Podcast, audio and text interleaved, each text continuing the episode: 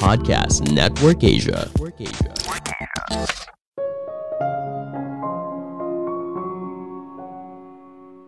Jika kamu menemukan acara ini tanpa mengetahui sebelumnya soal sikutu buku, maka kemungkinan besar AI telah membantu kita untuk bertemu.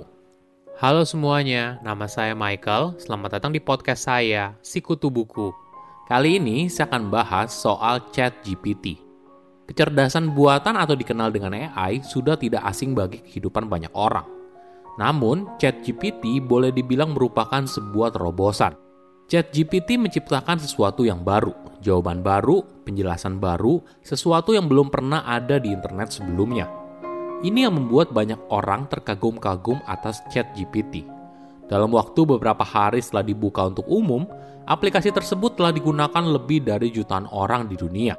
Ada yang menggunakannya untuk iseng, tapi menariknya, ChatGPT juga bisa digunakan untuk hal yang serius. Misalnya menuliskan sebuah esai dengan tema tertentu, bahkan bisa menjawab pertanyaan yang berhubungan dengan medis. Boleh dibilang potensi ChatGPT ini tidak terbatas. Sebelum kita mulai, buat kalian yang mau support podcast ini agar terus berkarya, caranya gampang banget. Kalian cukup klik follow Dukungan kalian membantu banget supaya kita bisa rutin posting dan bersama-sama belajar di podcast ini.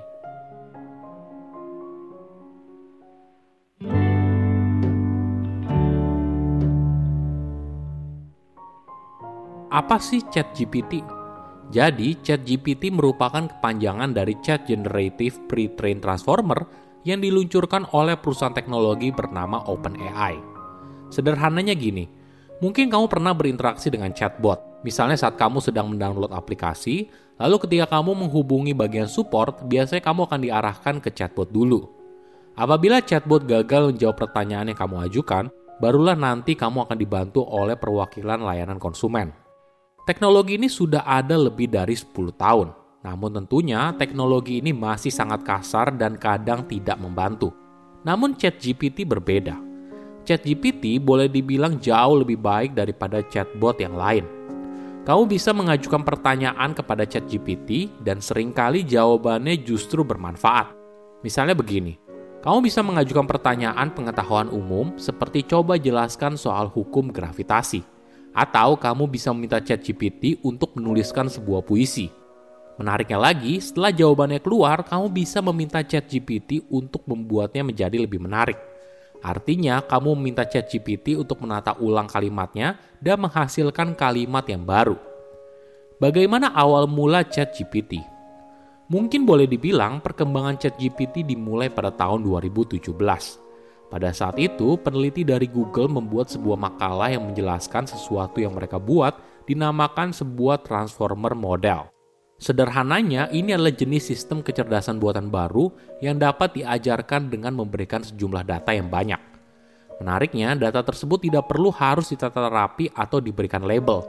Kamu bisa saja memberikan miliaran contoh teks yang ada di internet, lalu sistem kecerdasan buatan tersebut yang menentukan sendiri hubungan di antara kata dan kalimat. Sistem dasarnya jauh berbeda dengan yang selama ini dilakukan oleh Google. Jadi ketika kamu mencari sesuatu di Google, mesin pencarian Google akan mencari data yang paling cocok dari yang sudah ada. Entah dari halaman web tertentu, sebuah berita, dan sebagainya. Misalnya, jika kamu menuliskan bagaimana cara membuat coklat chip cookies, maka kemungkinan besar kamu akan mendapatkan hasil pencarian teratas berupa resep. Menariknya, ChatGPT menciptakan sesuatu yang baru, jawaban baru, penjelasan baru, sesuatu yang belum pernah ada di internet sebelumnya. Tentu saja semua hal ini sangat transformatif. Tidak seperti mesin pencarian di mana mereka akan mencari sesuatu yang sudah ada. Selanjutnya, momen bersejarah lain terjadi pada tahun 2020. Saat itu, OpenAI, startup teknologi ini meluncurkan GPT-3, yang merupakan generasi ketiga dari GPT. Itu adalah transformer model terbesar yang pernah mereka buat. Boleh dibilang merupakan superkomputer yang telah dilatih dengan data yang sangat banyak namun pada saat itu belum tersedia untuk publik. Hingga akhirnya pada bulan November lalu, OpenAI membuka chat GPT kepada publik dan dalam waktu beberapa hari, aplikasi tersebut telah digunakan lebih dari jutaan orang di dunia. Ada yang menggunakannya untuk iseng, tapi menariknya, chat GPT juga bisa digunakan untuk hal yang serius. Misalnya menuliskan sebuah esai dengan tema tertentu. bahkan bisa menjawab pertanyaan yang berhubungan dengan medis. Boleh dibilang potensi ChatGPT ini tidak terbatas.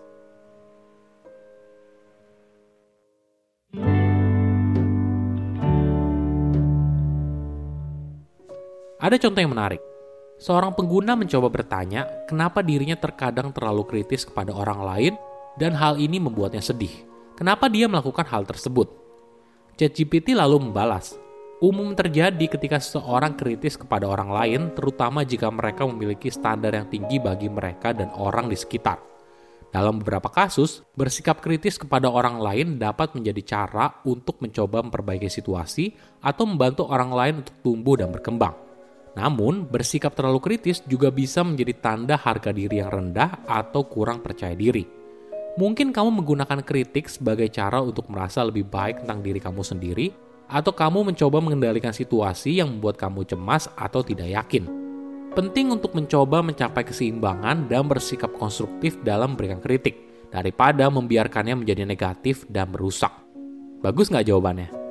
Buat sesuatu yang gratis dan relatif instan, Tentu saja hal ini boleh dibilang luar biasa. Menariknya, ChatGPT sudah diprogram untuk menolak menjawab hal yang sifatnya sensitif. Misalnya pertanyaan, bagaimana cara membuat bom? Atau siapa Nazi terhebat sepanjang sejarah? ChatGPT akan menolak untuk menjawab. Bukan karena tidak bisa, tapi ChatGPT diprogram untuk menghindari hal tersebut demi mencegah penyalahgunaan teknologinya. Selain itu, ChatGPT saat ini masih di tahap pengembangan. Jadi hasil yang keluar tidak 100% akurat.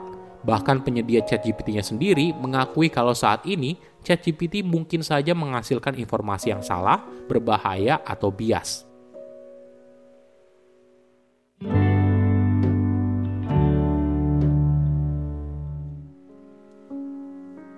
Di luar semua kecanggihannya, tentunya teknologi ini bukan tanpa celah. Tentu saja ada resikonya. Hilangnya lapangan pekerjaan, bias, diskriminasi, keamanan data, dan sebagainya. Mungkin dari semua resiko itu, yang paling menakutkan tapi tidak langsung terjadi adalah hilangnya pekerjaan. Di tahap ini, kecerdasan artifisial sifatnya masih sebagai pendukung kerja manusia.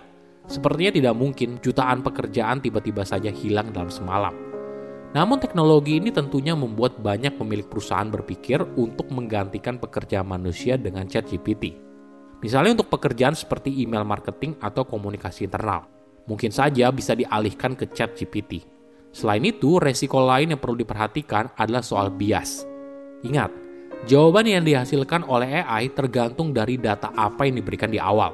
Misalnya, jika mayoritas data yang diberikan berupa pandangan yang konservatif, maka jawaban yang diberikan kemungkinan besar bersifat konservatif. Sama halnya ketika mayoritas data yang diberikan bersifat liberal.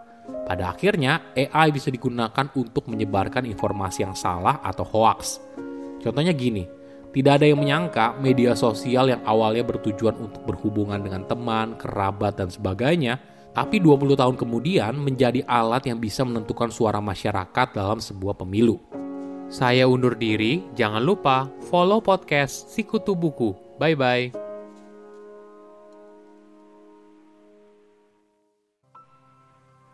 Pandangan dan opini yang disampaikan oleh kreator podcast, host, dan tamu tidak mencerminkan kebijakan resmi dan bagian dari podcast Network Asia. Setiap konten yang disampaikan mereka di dalam podcast adalah opini mereka sendiri dan tidak bermaksud untuk merugikan agama, grup etnik, perkumpulan, organisasi, perusahaan, perorangan, atau siapa pun dan apa pun.